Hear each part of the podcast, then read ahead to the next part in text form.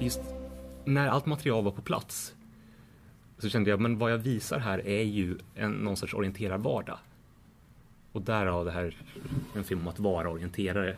Eh, eftersom det känns det var det filmen handlade om någonstans. Mm.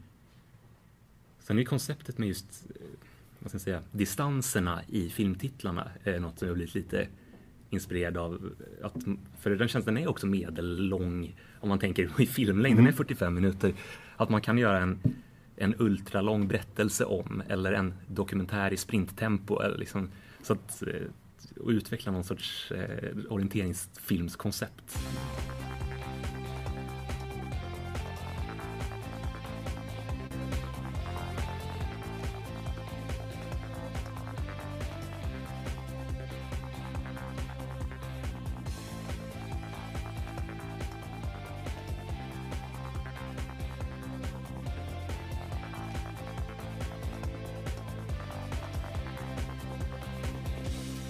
Hallå där och eh, varmt välkomna till årets sista podd ifrån Radio O-ringen Podcast nummer 111 i ordningen.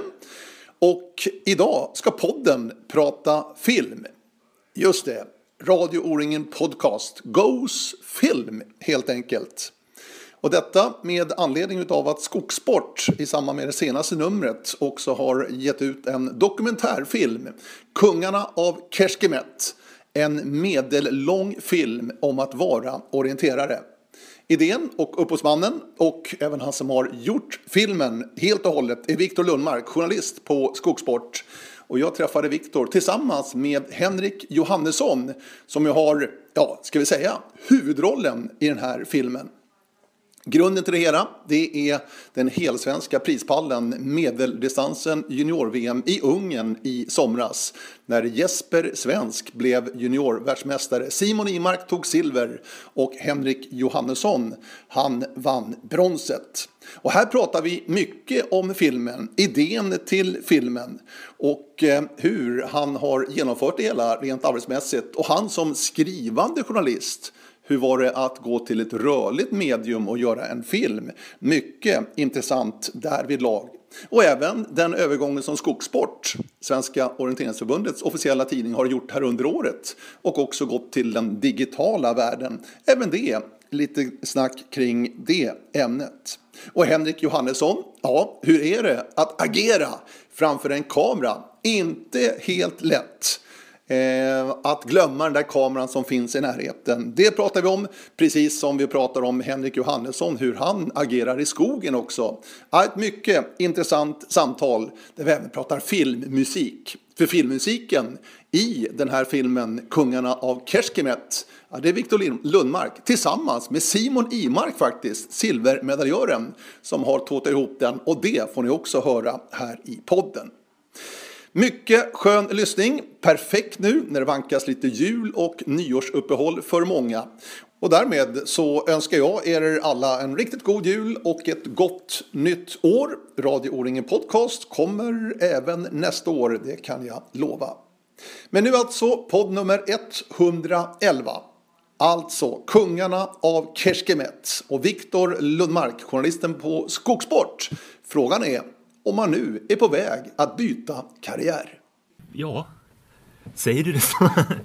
Nej, men det, det, kan, så kan det mycket väl eh, bli att det blir liksom mer åt det här hållet nu. Har du gett mer smak? Verkligen. Okay. Eh, det ska jag verkligen säga. Eh, det är ju en det kanske är relevant bak, liksom bakgrund på varför det ens blev aktuellt med film också. Jag tänker om det krävs en, en faktaruta på skogssport här, vad, vad, vad som har hänt och vad som är liksom så.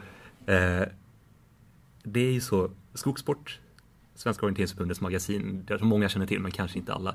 Eh, jag är anställd som reporter där. Inför i år så gjorde vi en eh, digital lansering av magasinet också. Från pappersmagasin till att det finns både som papper och eh, på nätet eller på sin iPad eller vart man nu vill läsa den. Och därav så uppstår ju en massa nya både möjligheter mm. och i viss mån förpliktelser också. Det gäller att tänka nytt. Det gäller att komma på, okej okay, vad kan vi göra det här nya uttrycks, eh, de här nya uttrycksformerna som, som kan göra att det blir eh, en relevant produkt också. Och någonstans där så uppstår ju möjligheter att till exempel göra film. Sen, sen finns ju mer historia bakom det, men, mm. men, där har vi grunden i alla fall. Underbart, ja precis. Den digitala om, omställningen för skogssport är ju spännande också. Eh, inte samma fråga, men i samma genre ändå, Henrik. Är du på väg att bli skådespelare? det verkar nästan som det nu. Eh, jag börjar bli van vid det här nu. Först film och, nej, först egentligen eh, reportage och sen eh, eh, film och nu intervju efter film. Det är, ja. Ja. Trivs, trivs du i, i, den rollen liksom? Ja, jag vet inte, det är ingenting jag har problem med men det är väl, ja, kanske ingenting jag skulle kunna ha till vardags. Så. Nej. Ja, vi, får se, vi, får en härlig, ja. vi, vi, har fått en härlig inblick i din vardag i alla fall i Borlänge tack vare Viktor Finnblad. Kungarna av Kerskemet heter den. Stämmer. Och det är ju med då tanke på den trippel som Sverige tog på medeldistansen junior-VM i somras i Ungern. För er som inte har sett filmen så är det inga bilder från Ungern utan det här är liksom en uppföljning då från de här kungarna då som tog guld, silver och brons på medeldistansen. Jesper Svensk, Simon Inmark och Henrik då Johannesson med bronset. Vad, idén till det här ändå, liksom det här ämnet och kungarna och Kerskemet, Viktor? Det, det har väl blivit, junior-VM har blivit lite min, min grej. alltså det var en av de första stora bevakningarna som jag gjorde. Jag började på Skogssport eh, tidig vår 2017. Ja, du är ganska sen, ny. Ja, det blir två år i, i mars då. Eh, och så jag var på junior-VM i Finland 2017 och det blev en av de största bevakningarna. Det blev ju det är lite så oskrivet blad junior-VM för det finns inga givna ramar. Det är inte säkert att media hemma i Sverige vill ta upp det eller så. Så att man kan experimentera lite grann journalistiskt så. Eh, och så där började jag prova mig fram med lite, lite bloggaktigt och inlägg på förbundets hemsida och i skogsportkanaler också och se vad man kunde göra. Eh, och det blev ganska roligt. Då lärde jag ju känna de här mm. orienterarna. Det var ju första gången som jag träffade på dem då. Eh, sen så började, sen blev det mer och mer egentligen med på ett landslagsläger i januari. Det var där jag också skrev om Henke ett längre reportage då. Eh, och sen blev det som att när jag kom tillbaks då till junior-VM i Kerskemet i Ungern så vill jag bygga vidare på det här, bygga vidare på de relationer jag fått, på de tänk kring eh, vad man kan göra för typ av journalistik kring den här eh, kring det här mästerskapet som ju som sagt, det är lite oskrivet blad. Det är lite som, ja men junior-VM i hockey var ju en sån där grej som faktiskt har blivit väldigt, väldigt stor och jag tycker det är kul att se, kan man göra något liknande med orienteringen då?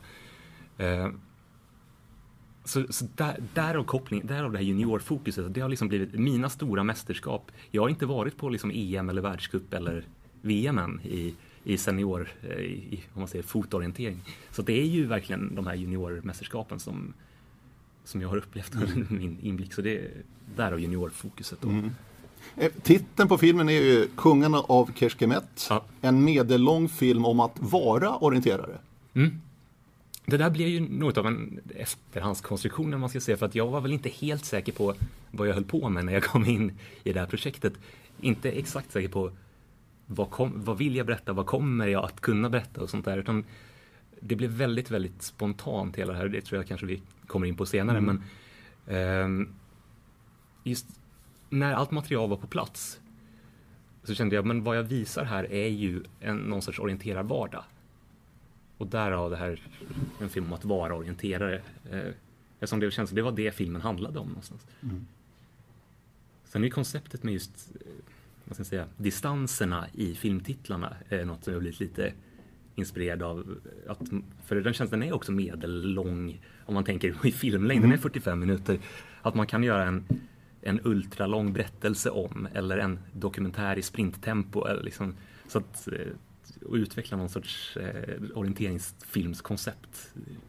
Det finns många tankar, det låter kanske som en excentrisk professor nu men det... det...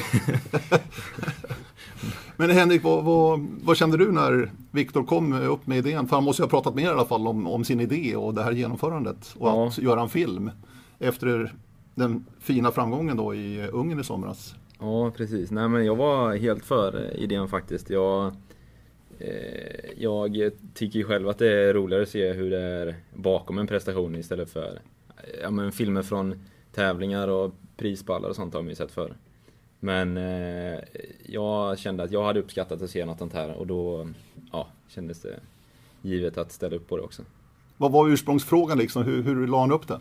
Jag minns inte exakt hur då, men eh, det var ganska spont spontant tror jag som man eh, ett, eh, ett eh, liksom ett skämt, inte ett skämt men på lite skoj liksom som blev ja, fan vi kör på det. Eh, jag minns inte exakt hur det var men eh, jag eh, nappade på det. Jag kollade upp lite grann nu hur det har gått till med klockslag och sånt där för det är verkligen väldigt snabbt från idé till att det faktiskt blev någonting. Och jag tror det var så att Mattias Karlsson som är kommunikationschef då på Orienteringsförbundet, han sitter bredvid mig, jag har mitt kontor där på kansliet. Då. Eh, han håller på att greja med lite mikrofoner och kameror och sånt som han har när han är ute och filmar på stora tävlingar och ska skicka in till SVT Sporten och så. Då. Eh, så tänkte jag, det där ser ju kul ut alltså. Det är en kamera för 35 000 som jag har på mitt jobb. Alltså det, mm. det är för, för bra för att inte göra någonting med den, om man ska säga då. Eh, och så hade jag väl lite tid över, vi hade ganska långt mellan numren tror jag. Och jag kände, det är, nu måste jag ju prova att göra någonting med det här.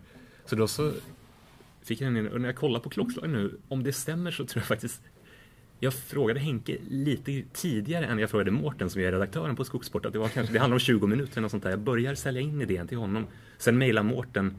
Eh, jag noterade mer att jag kallade det för lyxmaterial till digitala Skogsport. Det kanske var en tidig hybris, eh, jag vet inte. Men, eh, alltså typ av bonusmaterial? Ja, men att det är liksom inte bara att det är extra för det digitala utan att det är något stort extra. Att det verkligen är ett genomarbetat filmprojekt. Så. Sen trodde jag aldrig att det skulle bli så långt och sådär.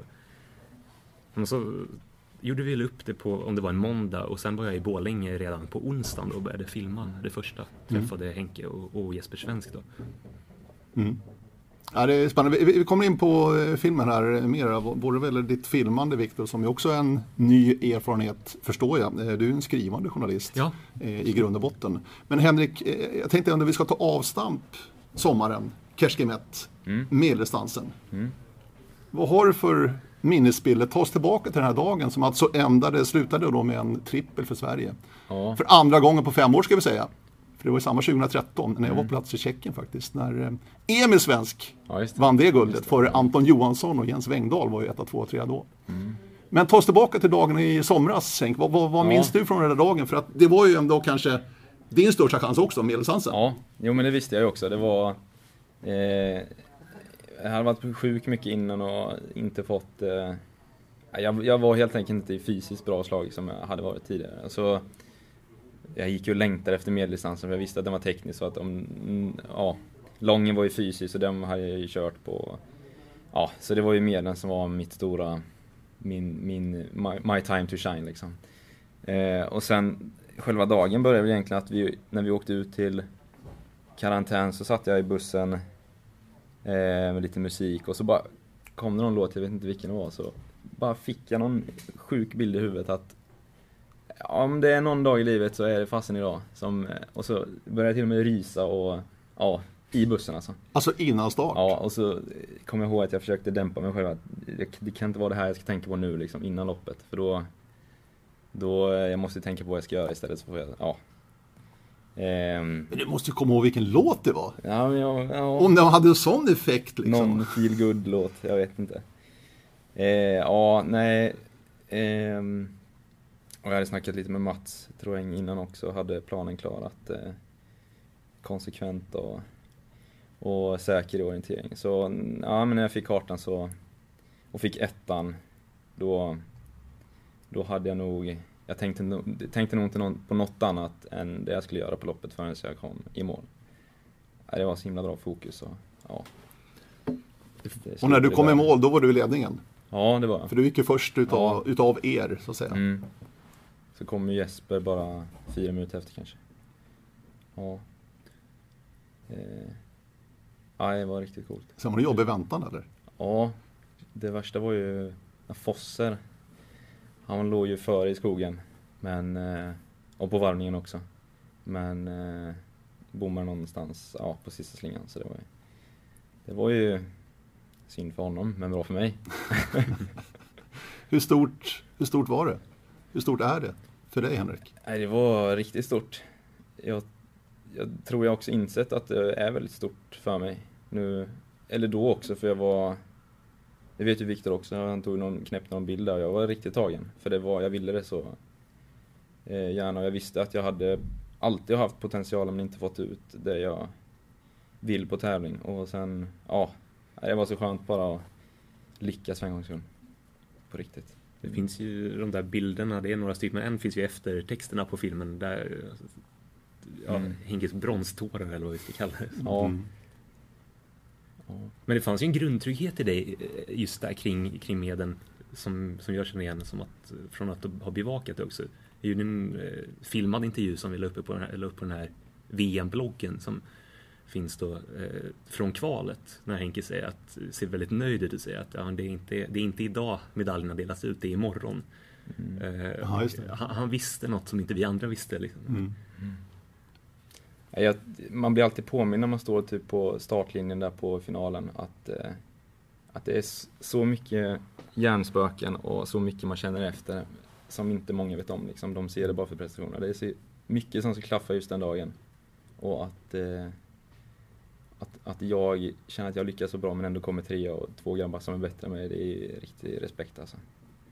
Är det här någonting ni pratar om, liksom, kompisar emellan? Just det här med, Ja. du pratar om hjärnspöken, och Ja. är det liksom hur, man, hur man är innan så att säga. Är det någonting ni, ni snackar om? Liksom? Nej, inte just vi killar sinsemellan kanske. Det är väl lite mer grupp som, som vi tar hela truppen så. Men eh, annars så personligen så var väl det en liten del av att jag var, höjde mig lite till detta året. Att jag jobbat lite mentalt och ja, fokuserat på rätt grejer när det, i rätt läge och sådär. Mm. Men tror du också att den glädjen efteråt då med det här junior-VM-bronset med Medeldistansen, med det du har berättat om känslan innan och sånt där, att, Mm. att det blev ännu större då, Ja. att du verkligen lyckades Ja, liksom, exakt. och, och gå och ta det hela vägen till pallen? Ja. Jo, det blir ju verkligen så att det var, jag ville så mycket och så var det antingen åka hem och så med inte ett skit i bagaget. Eller så tar jag chansen och ja, då tar den. Mm. För det är, ni som inte har sett karta och banor, ni måste bara in och göra det. För att det är ett väldigt, väldigt speciellt område det här. Mm. Extremt speciellt skulle Ja. jag vilja säga. Men Jag- oerhört svårt. Ja, Ser det ut att vara, jag har inte varit där själv. Men, Ja, nej, det men, är- men extremt häftigt också. ja, det som är grönt, det är ju verkligen grönt. Du ser inte över det och du ser inte genom det heller. Eh, och jag minns att eh, ja, men på vårkanten, jag hade sprungit bra om man var uttagen och sådär, men sen bara mindes jag att det var så jäkla svårt när vi var där i slutet av sommaren, sommaren innan då. Eh, och sen när vi kommer ner så springer vi lite på träningskartor och så här. Jag får inte det att funka. Jag har liksom ingen plan och det är bara, ja, det är grönt och skit och så åkte jag till och med ut, vi var ett gäng på vilodagen, eh, dagen innan kvalet kanske, tror jag.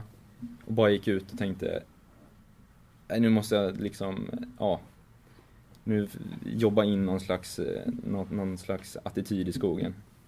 Eh, som, eh, ja, jag tror det var bra att, att jag inte struntade i att, eller att jag inte lämnade den känslan att det är bara svårt, när jag försökte hitta någon, ja, göra det bästa av situationen. Ja, det är ett extremt häftigt område måste jag säga. Ja. Eh, Viktor, för dig då den här dagen med tre svenska killar överst på pallen. Mm. Ja. För dig som journalist på plats, jag kan ju referera mig själv. Det, det, det är ju alltid roligt att vara på plats när det är svenska framgångar Mm. gentemot motgångar, även om det finns att rapportera då också. Men är det samma känsla för dig? Det, det, Att man, liksom, Ja. man mår bra på något sätt också som journalist på plats, som ska bevaka det här och rapportera om det. Det, till dramaturgin i det här så hör jag att Sverige åkte ju till Ungern med ett på pappret ganska starkt lag. Eh, framförallt på killsidan. Det var många sistaårsjuniorer med eh, väldigt stora framgångar på hemmaplan men även i, i mästerskap. Sådär. Den berömda 98-generationen. Precis. Tallinn 98-gänget. Men, eh, men dit, och sen inleder ju med att det går ju ganska dåligt där till en början. Eh, långdistansen blir inget bra alls. Det är väl där Jesper Svensk får något fel på kompassen och det var nästan så att man fick gå ut skallgångskedja till slut. Eh, sprinten likadant. Där var ju Isak von Krusenstjerna hade ju farten för ett guld men eh, gick, gick bort sig någonstans där. Eh, och då, då, är, då är ju bara en möjlighet kvar också till, eh, till medaljer för de här sistaårsjuniorerna, individuella medaljer då. Så det är klart att redan där så finns det ju en viss spänning. Sen som journalist så här, det är ju klart, mycket skriver ju sig självt när det blir som det blir. För det var ju de, de här killarna, och sen har vi Sanna Fast som man inte får glömma här, det är ju bara, det blir så tydligt när det är en trippel, mm. men hon tog ju faktiskt ett silver på tjejsidan, vilket var eh, fantastiskt bra. Samtidigt så vet ju jag, jag är ju där både för skogssport och för Svenska orienteringsförbundet för jag ska sköta den officiella kommunikationen vad gäller pressmeddelanden och liksom sånt som går ut då, eh, till, till Sverige. Jag vet ju att när något sånt här händer den här arbetsdagen blir, har bara börjat. liksom. ja, det, exakt. Och, och, just att vara journalist på orienteringstävlingar, det, det är ju som journalist, man behöver internet, man behöver el. Och är det något som det finns lite av ute i skogen så är det ju ofta internet och el. Så att man sitter liksom i något tält och det är stressigt och det är, de kommer och bara tyvärr nu ligger nätet nere men då kan man surfa på mobilen kanske och så ska jag iväg. Så att det finns ju, det finns ju en del av mig som någonstans kan känna en femteplats hade ändå varit okej, okay, så där när man är ute på tävlingarna. Det ska jag erkänna för att det blir så stressigt, det blir så mycket jobb. Men sen så börjar det såklart att sjunka in och framförallt de här, om vi fokuserar på killarna här nu då, som, som jag ändå har följt på nära håll. Det är klart, man står inte heller och är journalistiskt objektiv och bara konstaterar att det blev medalj. Utan det det blir någon form av lättnadskänsla även för mig som svensk reporter på plats mm, också. Mm, mm. Det, det, så, så, är det verkligen. Ja, ja det är, jag förstår precis vad du säger. Eh, Henrik, efterdyningarna efter det här bronset för dig personligen? Mm. Jag tänkte gratulationer, folk som hör av sig. Hur, hur, hur, hur tedde det sig för dig? Eh, jo, men såklart det var väldigt mycket fina ord och mycket, ja, men mycket grattis. Och det, jag tyckte det kändes som att folk att det var genuina grattishälsningar också, utan det var liksom, ja, de, ja, jag vet inte, jag kan bara spekulera själv, men det var, mm. vem vet. Nej men, eh, ja, självklart fick man mycket, eh, mycket gratulationer. Så. Men det är inte bara samma dag och kvällen efter, utan under hösten också? Har du känt av det hela hösten liksom att ja, jag tog ett JVM-brons liksom? Ja, nej, det blir lite bortglömt när det kommer SM och så här, med annat fokus, men eh, det var ändå O-ringen efter, det var kompisar som kom och grattade. Och, ja, så sommaren ut så var det väl till och från lite så man fick påminnas om det. Ja, vad man hade gjort. Är, är det skönt också för dig nu som Saldo, nu har du klarat av juniortiden, nu blir du senior nästa år. Mm. Liksom, 98 blir då nästa år. Mm. Eh, känns det skönt ändå att ha den här medaljen med dig nu när du liksom tar klivet upp och blir ja, senior? Det är jätteskönt. Det är det? Ja, ja. En lättnad någonstans eller? Eh, ja, i och med att man jag var så inne på att ja, men det är sista chansen nu. Och så, men det kan vara en press, en stor press ja, också? Det är det ju också. Men jag tyckte ändå jag var bra på att skjuta bort det som, som en press under mästerskapet. Utan det var mer att, eh, eh att jag tänkte på ja, men tänkte på att vad jag skulle göra för att få den där medaljen. Så det hade jag inte några problem med på när, just, när vi var där. Får jag ställa en journalistisk fråga? Det, det, det, är, så, det är svårt att vara på andra sidan nu. Men det här med hjärnspöken som, som ni var inne mm. på förut. Jag kan uppleva i, som fotbollsfantast är att där är det lite tabu, i alla fall i herrfotbollen, att prata om att man är nervös eller har de känslorna inför lopp. Eh, hur, hur är det liksom med med er i orientering? För att jag vet, Helena Bergman har ju pratat väldigt öppet om det till exempel. Men med er liksom rätt unga killar som är okej okay att stå för okej okay, nu är jag nervös inför det här. Jag, nu har jag hjärnspöken. Ja, men jag tror den som eh, påstår att de inte har det är ju, eh, det är ju bara bullshit. Jag, jag skulle säga att eh, Ja men typ som jag, alla är ju medvetna om och känner, känner säkert, ja, mer eller mindre någonting vid start. Och I alla fall jag, jag, jag har absolut inga problem med det. Eh, det är inte oftast det som gör att jag misslyckas. Men eh, när jag kan liksom kontrollera dem och göra det till något bra då, då eh, springer jag också jäkligt bra för att jag, ja. Eh, jag vet inte men eh, jag tror inte det är så mycket, tycker vi att vi är ganska öppna med det just nu, JVM och kunna prata om det. Jag har absolut ingen hård jargong så, man mm. inte får ha det. Eh, det är ju en del av sporten så det ja. Men om vi gräver lite till i den gropen som eh, Viktor precis öppnar upp där. vad det, här, det här med nervositeten och annat. Vad är det för typ av nervositet du känner på start? Är det känslan att kanske inte riktigt räcka till, man vet att man kanske Mm. varit sjuk. Alltså vad är det för typ av nervositet? Det är ju oftast att man inte springer tillräckligt fort eller eh, ja, helt enkelt inte för tillräckligt slag. Att de andra är bättre. Oftast är att de, att ja, jag borde tagit det där passet istället för det där. Och, ja, mycket skit som inte är relevant att tänka då. Men eh, det är väl, om man har jobbat lite med det så är det väl det som avgör om man kan gå in och stöta bort det här. Och ersätta det med något som borde vara där. Mm. Och det var väl lite det jag kunde göra nu. När jag stod där.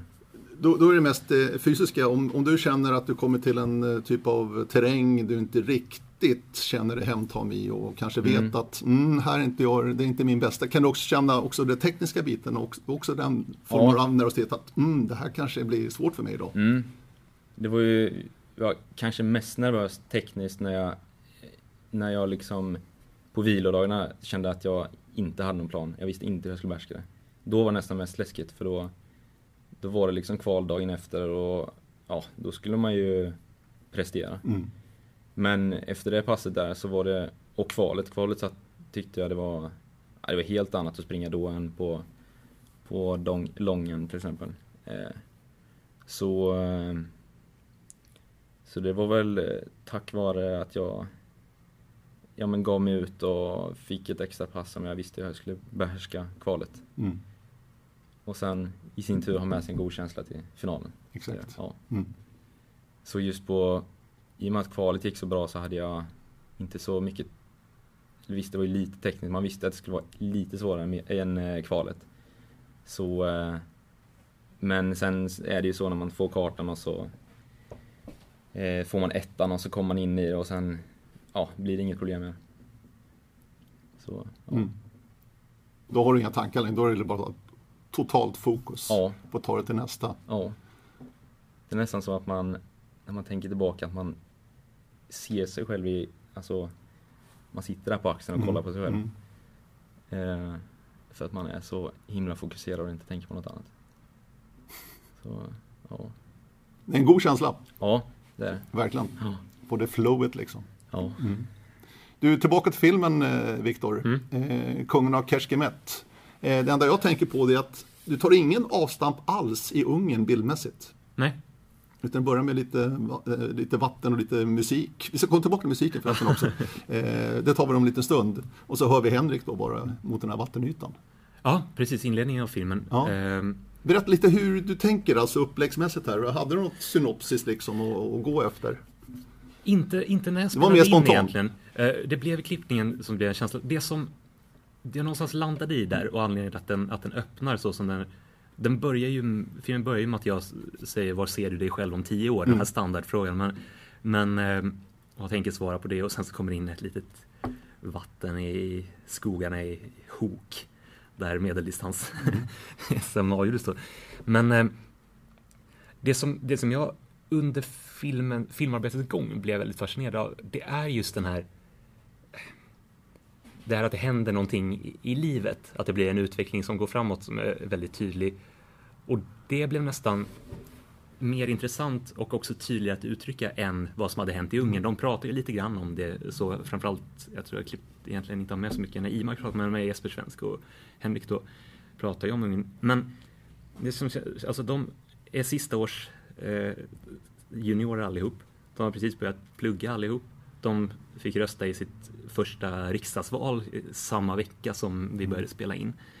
Ehm, och då blev det någonstans det som blev den röda tråden, det här med ja, men, att komma in i ett nytt skede i livet. Och därför så blev avstampet just i det här nytt skede. Han, Henke ser in, i, pratar om Villa, Volvo och Vov. Ja, exakt. I, ehm, sen för egen del så också det som jag tycker blir fascinerande med att prata med de här killarna, jag är ju sex år äldre än dem. Eh, och det som i, i mitt liv så är det nästan första, första gången som jag börjat komma in i en ålder där jag har andra vuxna människor som ändå är ganska mycket yngre än jag själv. Så att man någonstans får ett, man får ett perspektiv till, till människor som jag inte har, haft tidigare.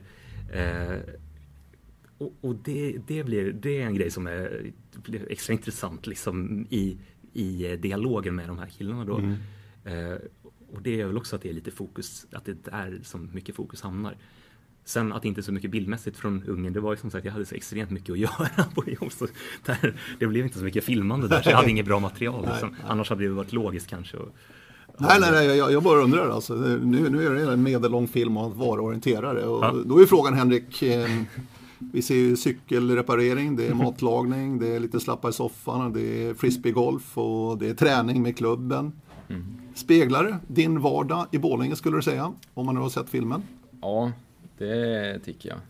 Kanske inte hände allt på samma dag. Nu händer ju väldigt mycket på... Eh, 45 minuter. ja, exakt. Men... Eh, ja, men vad fasen man... Det är ju... Mat lagar man ju varje dag. Kanske cykeln går inte sönder varje dag, men ja, annars var det mycket som skulle kunna hända i, i både min och Jespers, eh, Jespers vardag. Mm. Hur är annars då omställningen från att vara på ett orienteringsgymnasium till att flytta då till Borlänge och Dalarna för din del från, från Eksjö. Du är från Ronneby. Ja, Eh, för att nu får du ta hand om dig själv mera. På Olgus har man ändå ganska väl förspänt, jag tänkte, Ja. eh, till vissa delar som du inte har nu i Borlänge. Mm. Ja, det är ja exakt, där blev vi ju servare på allt. 24-7, frukost och allting. Ja, precis, det är det jag menar. Ja, eh, Den omställningen. Nej, ja, jag tror jag... Det, nej, det har inte varit något problem så. Jag har nästan tyckt det var lite roligt att man... Ja, men att man får ju göra sitt eget och känna att man eh, ja, men är lite vuxen. Typ. Ja, Ja, ja, jag vet inte. Nej, men det har inte varit några problem, några problem så. Vi tar ju hand om varandra. Jag har alltid haft någon att bo med. Förra året två, nu en. nu bor du med Anton Forsberg. Ja, Mm. Och det går bra? ja, Ja. det gör det. ja. Ja. kan roasta för hela Sverige. Så kallad talande tystnad var den. Men, Verkligen. Nej, men det går bra. Du, eh, Viktor, från att vara skrivande journalist då, som, du, som du är. Eh, ska I vi säga. huvudsak så är det I huvudsak, precis. Till att nu via bilden berätta Mm. en story. En kamera, mikrofon och de här bitarna. Hur, hur pass stor skillnad är det, skulle du säga? det, det- så här, både och, eller man ska säga. Det är... Jag, jag tänkte så här, om, man, man har ju, om, jag vet inte om jag använder ordet rätt här, men har, som bara skrivande reporter, om jag gör ett reportage, så har jag någon sorts, sorts tolkningsföreträde jämfört med läsaren eftersom jag faktiskt är den som, genom, det är ändå genom mig som läsaren får sina intryck. Om det skulle, till exempel skulle vara så att jag kommer till någons hus och så tycker jag att det ser ut som eh, jag vet inte, man jämför med ett, med Muminhuset säger vi, bara som exempel. Då kan jag ju skriva det i texten och så får folk en bild för de har en bild av hur Muminhuset ser ut. Om jag får samma tanke och så vill jag visa det i, i bild och så har jag det här blåa huset liksom som jag lägger upp i bild. Det är inte säkert att mm, folk drar den kopplingen överhuvudtaget då. Eh, utan bara, ja, det är ett blått hus. Men jag tänker, vilken bild liksom här. Nu får de känslan av att det är som en härlig sagofamilj liksom så. Eh, så det där, det där var ju en, en viktig skillnad för att med, bild, med rörliga bilden, då har du någonstans det du har. Det finns inte så mycket, visst jag kan klippa på olika sätt och sådär. Men det är inte så mycket att orda om egentligen. Ehm, det, som, det som sen blev min stora utmaning då, det var att ta reda på vad är min, min röst, min, liksom mitt berättarsätt i den här uttrycksformen? För att nu har jag jobbat skolsport i snart två år och när jag ser de här lite längre reportagen så jag tror ändå jag har min, min stil och vet vad jag gör. Sen med film i den här omfattningen har jag aldrig, aldrig gjort tidigare då. Eh, och det, det var någonting som föll på plats under eh, arbetets gång, under inspelningsarbetets gång då. Eh, men sen när jag såg den färdiga produkten så, så kändes det ändå, ja men det här känns ju som ett av mina skrivna skogssportreportage. Alltså jag, jag själv i alla fall kände igen min egen ton. Och det var jag inte medveten om från början att det skulle bli så, men jag blev väldigt glad att det var det det landade i, för då känns det som att man någonstans hade en aning om vad man höll på med. Liksom. Men jag tänker teknik, alltså du har filmat själv? Ja, Ja. Både hand och eh, stativ förstår jag. ja, precis. Ja. Um, det, det, jag har en del Var det lätt eller? Nej, alltså jag har ju kört mycket stillbildsfoto tidigare och då har man ju en annan tid på sig. Um, för det kräver inte lika mycket, det ser man ju van med den kameran, men det är också det gäller att vara på rätt plats vid en sekund och så kan det bli bra. Här måste man vara på rätt plats i en timme kanske för att fånga allting. Ehm, men jag har, har en del erfarenhet från att filma eh, och spela in ljud sådär. Jag har gjort en del musik musikklipp, sådär, filmat band när de har spelat, framfört akust, låtar akustiskt och så. Så jag hade en viss känsla för det, men det jag märkte var att det fanns inte riktigt tid att hitta de perfekta vinklarna och sånt som man kanske har då. Mm. Eh, för att då kan ju ett ögonblick vara förbi och man vill ju inte gärna fejka grejer i en dokumentär heller utan det är ju inte så att jag säger kan, du inte, kan inte kedjan hoppa en gång till på cykeln utan det gäller ju bara köra på. Så det var väl någonstans att under arbetsgången börja acceptera också, okej okay, jag kommer inte få den perfekt genomtänkta Ruben Östlund-vinkeln på, på, det här, på, på den här scenen utan det är bara låt kameran rulla för nu, nu händer det något kul. Liksom. Mycket material. Ja. Um, det får man ju tillbaka sen när man ska klippa och redigera. Och... Det, finns, det finns lite, jag berättade för Henke, det finns lite extra material Grejen var, det blev ju väldigt spontant det här när vi började med filmen och ingen av oss visste väl riktigt, varken jag eller de visste väl riktigt vad, vad vi var ute efter i grunden. Men när jag kommer till Borlänge så då Henke och Jesper är jättenöjda då för de har utvecklat någon sorts persona som de ska eh, marknadsföra okay. i, till orienteringssverige. Att de är två killar som gillar att dra till Biltema i Borlänge och äta korv. Det är väldigt viktigt med öet i korv. Och jag, jag känner lite så här det här blir inte jättebra men jag, jag har, inte, jag, jag, har inte riktigt mandat att gå in och säga så här får ni inte göra i min dokumentär. Bara, vi följer och ser vad som händer. Så de första stapplande, den första stapplande halvtimmen med material är, det ser ut lite som så här, bortklippta eller mm, bloopers från dåliga sketcher. De, de sitter och är in character som man säger. Ah. Jesper pratar om någon som fanns i kafeterian där på eh, han, han har tappat bort mig. Vad vi pratade om, det var det här med, med olika, ja. Och vi vart kanske lite upphetsade att eh, åh nu, nu kommer Viktor idag så nu måste vi vara roliga. Ja. För grejen lite grann är väl om man ska liksom, om det ska kännas, kännas naturligt som tittare. Mm. Så ska väl eh, Henke och jag säger skådespelare och citationstecken, mm. egentligen tänka bort kameran och inte, mm. inte, inte se den egentligen. Mm. Och hur, hur lätt eller svårt är det Henrik? Eh, nej, det ju, var ju ganska svårt. Ja, ja det var det. Det är ju jättesvårt. Ja, ja. På Biltema var det ju omöjligt. ja, då var det omöjligt. Ja, men det är ju det som är grejen. Alltså. Ja. Det är ju det som bra skådespelare och dåliga skådespelare. Mm. Eh, nu, nu generaliserar jag lite grann, ja. men, men det är ju supersvårt. Verkligen. Och så säger man någonting bara för att man, ja, alltså man det, jag vet inte, det går inte att ta på men det är bara väldigt, lite obehagligt liksom. Ja. Och så tänker man på varje sak man säger, bara, borde jag sagt det där eller skulle jag sagt något annat? Eller, ja. Men vart det där bättre med tiden? Alltså släppte det? Alltså, ja. det var det några gånger ni träffades, inte ja. hur många dagar som helst, men några gånger i alla fall. Ja, det är ja. tre nedslag. Tre olika, ja, okej. Okay, ja. Det är två... Vart det bättre gång efter gång? Ja, men det liksom? skulle jag säga. Sista gången var nog bättre än första, absolut. Ja. Jo, men du, känna, du ska känna trygghet och känna avslappnad. Det, det, där måste ju vara jättesvårt för dig också, Viktor. Liksom. Ja. Du kände väl också att det var väldigt spänt och att de liksom kanske gör sig till lite grann? Och det, ja, så, så blir det ju. Och det där, är ju, där har du ju en viktig skillnad på det här med att skriva reportage och att filma reportage. Om jag har ett anteckningsblock som jag smyger upp i armvecket och gör en anteckning då och då. Nu har ju visserligen Henke upplevt det också, så du får jämföra med när jag jobbar så. Alltså när vi var i Spanien då. Men, men där blir man ju, det är betydligt lättare att vara fluga på väggen när man också ska lasta mm. upp den där liksom kameran som är ungefär i min axelbredd och sen så drar jag upp ett stativ och det och så, det, det, det, är, det är svårt att få det här fluga på väggen. Det är svårt att bli flugan, så kan jag väl säga. Mm. Eh, och man känner, man känner sig ju lite dum också. Jag går in, även om jag ändå hade träffat alla de här killarna innan och kände de var hyfsat bra. Jag går in i någons hem och riggar upp värsta utrustningen och trycker på play och det lyser en liten röd lampa som indikerar att eh, det här är liksom i Softs ägo nu. Det, det, det, är, det blir en vanesak för mig mm, också. Mm, mm. Att inte in, försöka tänka bort hur mycket i vägen jag faktiskt är där. Mm. Kunde du känna samma sak här lite grann? För det är lite olika miljöer det här är inspelat i. Det är ju hemma hos familjen Svensk uppe i eh, Skräddarbacken när du lagar cykeln. Eh, det är hemma hos dig och Anton i er lägenhet. Du är ute på en träning, mm. eller ett par träningar med Stora Tuna och så vidare. Var det olika för dig liksom, i de här olika miljöerna?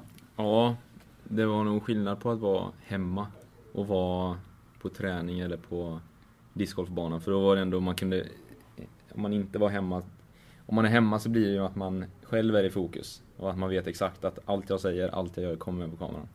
Man kan ju fly lite mer på träning och mm. eh, på discgolfbanan. Så på det viset så var det eh, lite mer avslappnat att, vara, att inte vara hemma. Mm. Mm. Kom det någon input ifrån er då, ni som ändå är huvudpersonerna i filmen här, du Jesper och Simon då som är i Göteborg, han är ju inte i Borlänge, men mm. ändå, kom det input den vägen till Viktor också, liksom, idéer? Eh, nej men typ som eh, eh, att vi drog till discgolfbanan var ju vi som... Ja, du ser. Ja. ja. Eh, att det blir lite action också. Mm. Alltså. Ja. Eh, ja men typ att eh, vi sa att vi har klubbträning på tisdag. Det är bra, kan vara bra att komma då istället för onsdag. Ja. Så vi fick med lite klubbaktivitet också. Mm. Vad, vad, vad, jag vet inte om det är svårt att rekapitulera för dig kanske Henrik, men vad såg du framför dig liksom när Henrik kom med idén till att börja med, jag ska göra en film, vad, vad såg du framför dig då? Eh, oh. Nu har du sett filmen så att, menar, du har ju facit att säga, ja. men kan du försöka, finns det någon, någonting där liksom som inte överensstämmer med den färdiga filmen? Eh, nej. nej, jag tror inte det. Det var väl ungefär som jag hade väntat mig. Mm. Det är inget som jag kom på bara sådär. Nej, nej var, jag förstår det. Nej. Som var annorlunda. Ja. Nej. Men Nej, jag har inget att säga. Nej, precis. Nej. Vi var inne på Simon Imark här, ja. Eh, som ju som sagt var här i Göteborg nu för tiden. En av kungarna. En av kungarna tog ju silver då har varit framgå, fantastiskt framgångsrik som eh, junior Simon Imark från Tullinge. Men han är ju också med på ett annat hörn och det är musiken. Ja. Den kallar det filmmusiken då? Ja, vi kan. Som du tillsammans med Simon har knåpat ihop. Ni gjorde Foppa citattecken med ja. fingrarna kan vi säga att det är. Liksom. Men, ja. det, precis. Det, det här med musiken blev lite huvudbry kan man säga. För att det var vid några av scenerna som inspelade i hemmen. Dels hemma hos eh, team Henke Anton och även hemma hos Simon Imark då. Som det var musik i bakgrunden eh, på alltså, Spotify som streamade och sådär. Och det här var väl någonting som vi diskuterade med. Jag tänkte det kan väl inte vara så farligt. Så. Sen började jag läsa på om det där också och insåg att ja, det, det här kan bli finansiell katastrof. Alltså det, Eh, kort, mm. kort eh, sammanfattning av eh, copyrightregler så är det all eh, officiell, som det kallas, eller ja, liksom inspelad musik som finns på skivor och skivor så, eh, är ju copyrightskyddad. Och om den kommer in i ett annat verk så blir det ett copyright-intrång oavsett hur det har kommit in där. Eh, om man inte betalar hutlösa summor för det. Det handlar alltså bara om att få spela musik till rörlig bild kostar 19 kronor per sekund. Eh, där, bara där så uppstod ju ett problem att jag måste på något sätt få bort den här musiken. För skogssport, vi, så vi kan inte vi kan inte slänga, vi kan inte, så här, vi kan inte lägga 19 kronor per sekund på musik i en Nej. film. Den, den ekonomin finns inte riktigt. Eh, det här var nästan lite så här sömnlös läge för mig, för jag har ju verkligen lagt ner min själ i det här projektet. Verkligen brinner för, inte bara som en jobbgrej, utan på ett personligt plan också och inser okej, okay, det här kan kosta förbundet eller skogssport 30 000, 40 000 mm. om vi ens ska kunna visa filmen. Och så började jag prata med olika ja, men, människor som är bra på ljud. Kom i kontakt med ett produktionsbolag som bland annat är med och producerar P3 Dokumentär ibland tror jag. Och de sa att det enklaste, det är om man har musik som man själv har rättigheterna till och så kan de använda den till att sudda ut den eh, copyright-skyddade ja, mm. Och så att där, blev det ju, där behövde vi musik. där där var det inte på lust utan på tvång egentligen. Eh, och då var det så att jag hade intervjuat Simon då i eh, Finland eh, i samband med JVM 2017 kom in på musik då och det visade sig att det är ett gemensamt intresse, ett stort intresse för oss båda och det här är någonting som väl jag kanske var lite drivande på att fortsätta diskutera vid sidan av yrkesrollen men prata, prata musik med Simon. Och då tänkte jag det vore kul för jag vet att han är duktig också på att skapa musik då. Eh, så då var det liksom uppdraget, okej okay, vi behöver långa stycken som täcker över eh, scenerna med copyrightskyddad musik och sen är det vissa scener också där jag ville ha musik från början då. Och det där blev ett projekt som egentligen jag satt hemma och spelade, nästan kom på något riff eller någon ja, så här, snabbproducerade demos som lät okej. Okay. Och sen skickade jag dem på mail till Simon som i några veckor satt och grejade med produktionsprogram då i musikproduktionsprogram i datorn och ja, men, snyggade till det där lite grann. Och sen så blev det en sorts paniklösning som blev ganska, ganska bra ändå. Och ett väldigt roligt samarbete. Stor eloge till Simon som gjort ett jättebra jobb där. Inte bara som filmstjärna utan också som musikproducent. Ja, verkligen. Det är häftigt. Visste du att... Nej, jag blev helt chockad. Ja, jag, jag tyckte det var riktigt bra låt först tänkte jag. Vad fasen heter den här låten? Men... Eh, den som sen... kör i trailern eller? Ja. ja mm. den, den, det riffet mm. känns ju... Hade man fortfarande kunnat tjäna pengar på musik så... Ja. Hade... ja men den satt ju riktigt bra både där och sen i filmen också. Nej, så ja. Det var en chock för mig. Just den låten som går, den används ju tre gånger. Det är ju den som är vår hit, känns det som här. Den går i trailern och sen är den på discgolfbanan och sen med eftertexterna också. Mm. Eh, och jag har fortfarande inte hittat, jag tror inte att den är stulen, för det är ju där man, om man kommer på en riktigt bra melodi så hamnar det ofta ett dygn senare så vaknar man upp och inser att ja, ja, det var ju låten jag lyssnade på häromdagen så råkade jag spela den. Men jag har inte hittat någonting. Så att den där, vi får se. Jag har ju förhoppning om att kanske kunna utveckla den där sen. För där, jag gjorde ju grundriff egentligen och sen en ganska dålig produktion på, på det. Sen la Simon till lite så här syntar digitalt i bakgrunden. Är någon, jag ska inte nynna på den slingan men det blev väldigt snyggt ihop. Eh, han har en bra känsla där. Så den, ja. Mm. Den har tyvärr ingen titel annars hade jag kunnat slänga mig med något singelnamn nu också. Men nej, den heter väl Kärna discgolfbana inofficiellt.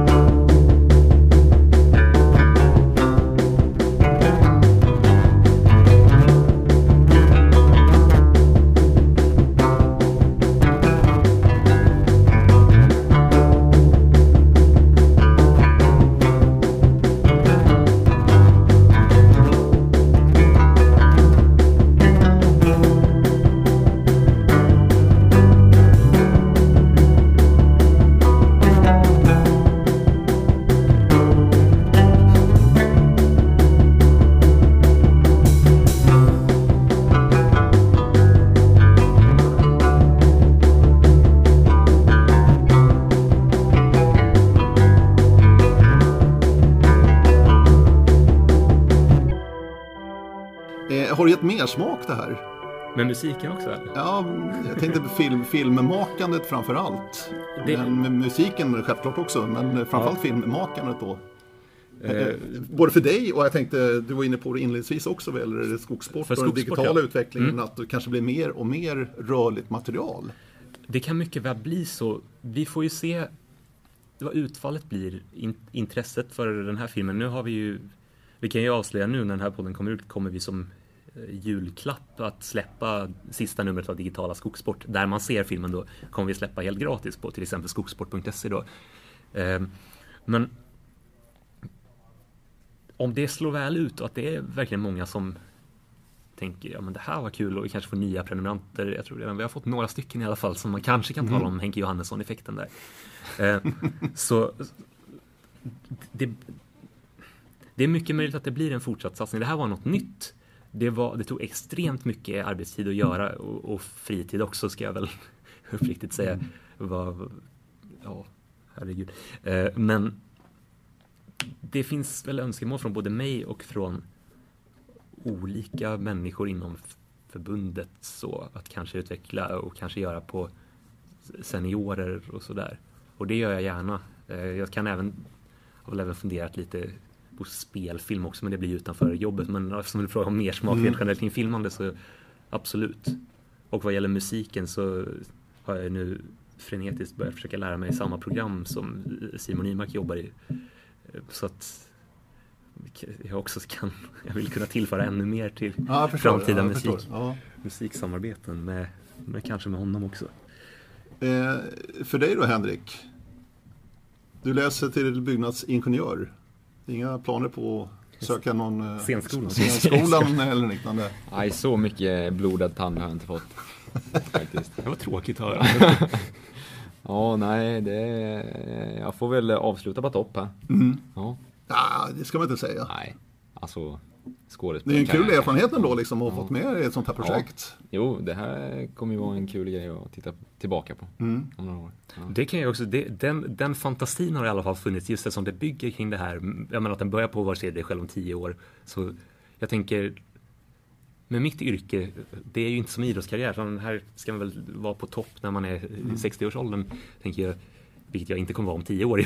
Jag menar att, att eh, det, förmodligen så finns, kommer jag fortfarande hålla på med journalistik då. Och det hade varit väldigt kul oavsett vad de här killarna gör när de är 30. Att göra uppföljare ja. Mm. Eh, och se om någon har vunnit VM-guld.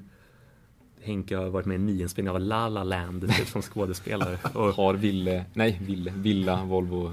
Ja, just det, Volvo. Ja. ja men att det, det, är en seriös tanke men sen är det klart att det blir inget konkret eftersom det, vi snackar 2028, det, jag har inte kalendern helt klar där. Nej. men, ja. men, men orienteringsdokumentärer finns det ju inte speciellt många. Nej. Om du letar. Och där, det blir också, som journalist vill man ju, det vet ju du också, man vill ju någonstans vara först. Oavsett om man är nyhetsjägare eller om det bara handlar kring koncept. Och här är det ju, jag har ju en egen marknad nu. Och nu menar jag inte ekonomiskt att jag mm. marknadsförs, utan mer en spelplan om man säger så. Um, liksom, just det faktum att jag faktiskt kan göra det här på heltid. Eh, för att det är ju en relevant del av mitt jobb att producera material och det är, det är så, så oerhört roligt. Så blir det uppskattat så kan jag tänka mig att det kanske blir, kommer minska lite på skrivandet och mer mm, på, mm. på filmandet. Så. Mm. Som vi varit inne på, eh, filmen börjar med det att eh, du får ju frågan från Viktor där, vad, vad, vad, gör du om tio år? Mm. Eh, och det är ju då det här eh, villa, Volvo och Vove dyker upp. Eh, men det var inte det jag tänkte utan eh, till filmen också, ett citat från dig där, det är inget speciellt nu att kliva upp i seniorklassen. Säger ja. du också. Du, du ser ganska, eh, ja. ingen större big deal. Liksom. Nej, alltså just när det kommer till grejer som jag sagt där så är det faktiskt vissa grejer som jag reagerar på då. Mm. Jag tänkte, vad fan säger jag? det är så alltså? Ja. ja. Eh, och det var en sån sak. Framförallt den där, ja, det var ja. bra att du plockar upp den då. Ja, så det var bra att du tog med den. Ja. Men... Eh, så du kan be om ursäkt det... ja, ja, exakt. Nej, men, när... Så du våndas lite grann nu för att kliva upp som senior? Eh, ja, men jag, jag, säger att det inte ska vara någon skil... Säger så? Ja, det kanske jag. Säger att, det är inget speciellt att kliva upp, speciellt. säger du? Ja. ja. Eh, och det är ju en självklarhet att det kommer vara. Alltså, men ju, jag kanske mer att jag tänker att för min del, för min träning så kommer det inte vara så mycket speciellt. Jag kan inte bara för att jag blir senior så kan jag inte panga på mig hur mycket som helst. Hur mycket som helst. Så jag tror att jag tänker mer än vad jag säger där. Eh, för det kommer bli, eh, alltså både, man får ju acceptera att man inte kan hävda, förmodligen inte kan hävda sig. Sen samtidigt så vill jag inte sätta den, eh, den eh, ja, men, eh, gränsen för mig själv att jag inte ska kunna det utan jag, jag vill ju ta plats på tävlingen också. Så det, men sen om jag inte lyckas så ja, får det vara så får det ta de åren som det behövs. Mm, men det är, det är det, alltså, man måste ju ha ett visst tålamod. Jag mm. tror att det är väldigt, väldigt viktigt att vara ja. utrustad med det här tålamodet när man kliver upp. Ja. Eh, speciellt för er då som har varit framgångsrika som juniorer också. Mm. Att man inte förväntar sig samma framgångar direkt kanske som senior. Ja, exakt. Och som Jesper också nämligen, minns jag också att han, han säger någonting om att, att eh, ja, men, ha tålamodet trots att kanske går bra för någon 98. Att eh, ja, att inte arga sig över det utan att ja, man, ja, till slut så är man där också. Mm. Det, det, där är väldigt intressant det som jag nämner med Jespers citat eh, jag tror jag, ja det är väl med i filmen också, jag frågar om han menar att det finns demoner bland konkurrenterna. Just, just den tanken på de som någonstans verkligen är ens typ bästa kompisar men, men också att eh, det tar ner ens självförtroende lite grann och det, det sånt där sånt psykologiskt spel som är väldigt mänskligt det är något som jag gärna hade grottat mer i men det jag som journalist känner och att det är unga personer också att då, då får jag ett väldigt konstigt det blir en väldigt konstig situation om jag är intresserad av själv att höra just om hur, hur är det här och hur känns det med hierarkier emellan er och sånt. Det är sånt som jag kanske skulle velat gräva vidare på men som känns det är redan ganska utlämnande att mm. sitta och göra intervjuer så här. Så att, och där, där är det också någon gräns med hur, hur nära man... Jag tror, nu kanske kommer det här kanske låta jättedrygt, men jag, jag, tror att jag kan vara ganska, vara ganska bra på att få folks förtroende i journalistiska sammanhang. Och det, men det finns ju en anledning till det också. Och det är så här, jag skulle säkert kunna få folk att gå ännu djupare och mer, men det skulle i slutändan kunna bli på bekostnad av att bara, nej, det känns inte riktigt tryggt att prata med honom. Mm. Um, så det, det, är så här, bara, jag kommer att tänka på det nu, bara för det, det kommer ju upp många intressanta saker och ibland kanske Absolut. Om man sitter och lyssnar med ett journalist här kanske man tänker, där missar mm. en följdfråga, men ibland kan det vara medveten handling också. Du, eh, den är ju släppt för prenumeranter, filmen. Mm. Eh, vad har du fått för feedback? Återkoppling, har du fått någonting? In, inte, inte från prenumeranter tror jag inte. Nu kanske jag missar något. Nej, det tror jag. För det, det händer ju annars ibland sådär att man får eh, det är framförallt jag skrev, skrev en text om min morfar eh, förra året. Eh, som tyvärr inte lever längre men som han var så här besatt av orientering verkligen. Och där, där fick jag massa mejl från folk som säger mm. att jag grät och sånt där. Det, det är häftigt men, men ofta, ofta, ofta är det ganska tyst. Folk, folk läser tidningen och är nöjda och det, det har de all rätt att göra. Liksom. Eh, kring det här, det som jag känt är väl att det har blivit en viss entusiasm. Ja, men du, jag vet inte om han vill att jag säger det, har han sagt in, men, men Håkan Karlsson, landslagschefen, kom och var intresserad. Det var, han började ta upp det här med att det vore intressant att följa några av seniorlöparna och det här var ett liksom, kul projekt.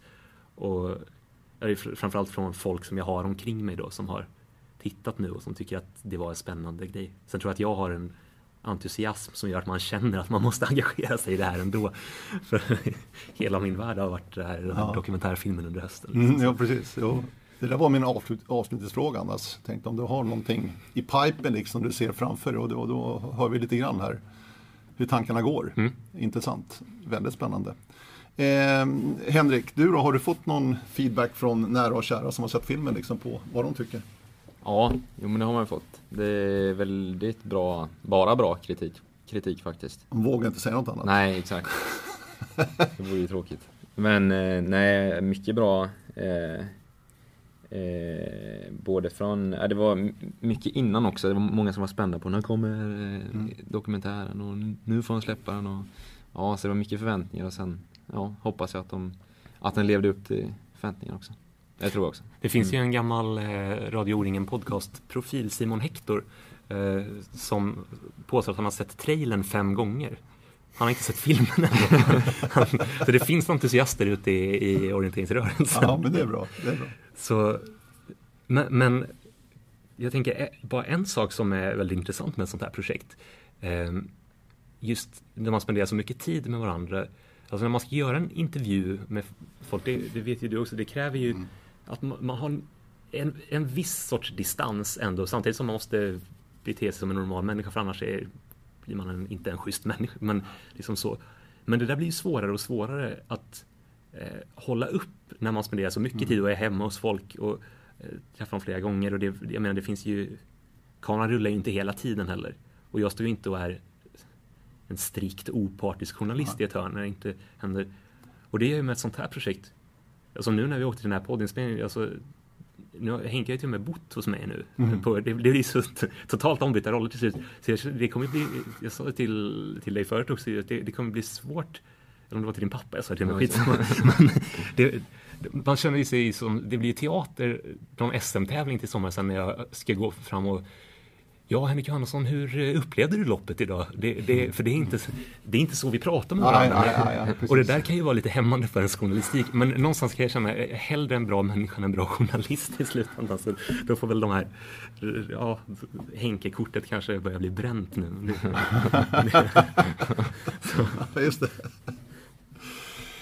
Härligt grabbar, eh, väldigt trevligt. Eh, jag försöker också hålla lite distans där men det, det, det, fungerar inte. Det är svårt med så älskvärda gäster. Det är jättesvårt, jättesvårt, verkligen. Eh, Henrik Johannesson, eh, god jul. Vad, vad blir det för julfirande för Henrik? Det blir eh, en färd upp till Helsingborg. Eh, med släkt och så. Enligt tradition. Mm. Din pappa kommer från Helsingborg. Ja, han... Eh, Vann natt-SM-guld 1986. Det kommer jag ihåg, som H20. Som H20, ja. Var han första eller sista års junior? Han var första års va? Ja. ja. Precis. Vi sa faktiskt det i bilen, Per Forsberg, han är med störst koll på... Ja, det vet jag inte, men eh, Thomas har koll på. Ja. ja, det är bra. Det stämmer. Så att du har ju lite påbrå där. Ja. Ganska mycket. Ja, ja. absolut. Kul. Jaha, så det blir jul i Helsingborg? Ja, det blir det. Får se om det blir en vit jul då. Ja, det brukar vara en grön jul. Ja. Brukar köra rullskidor med farfar på cykeln bredvid. Så, mm. ja. Mm. Eh, och gott nytt år också då, ditt år, första år som senior får vi säga. Tack detsamma. Ja. Mm. Och Viktor Lundmark, otroligt trevligt. En detsamma. god jul och gott nytt till dig också. Det vill jag önska dig med. Så ser vi fram emot nästa film från Skogsport och Viktor Lundmark. Kanske julkalender också. ja, just det. Här ploppar idéerna upp. Eh, önskar er lyssnare också en riktigt god jul och gott nytt år. Det här var årets sista podcast från Radio O-ringen, men eh, lovar att komma tillbaka även nästa år. Så att god jul och gott nytt år säger vi ifrån Radio O-ringen Podcast. Hej då!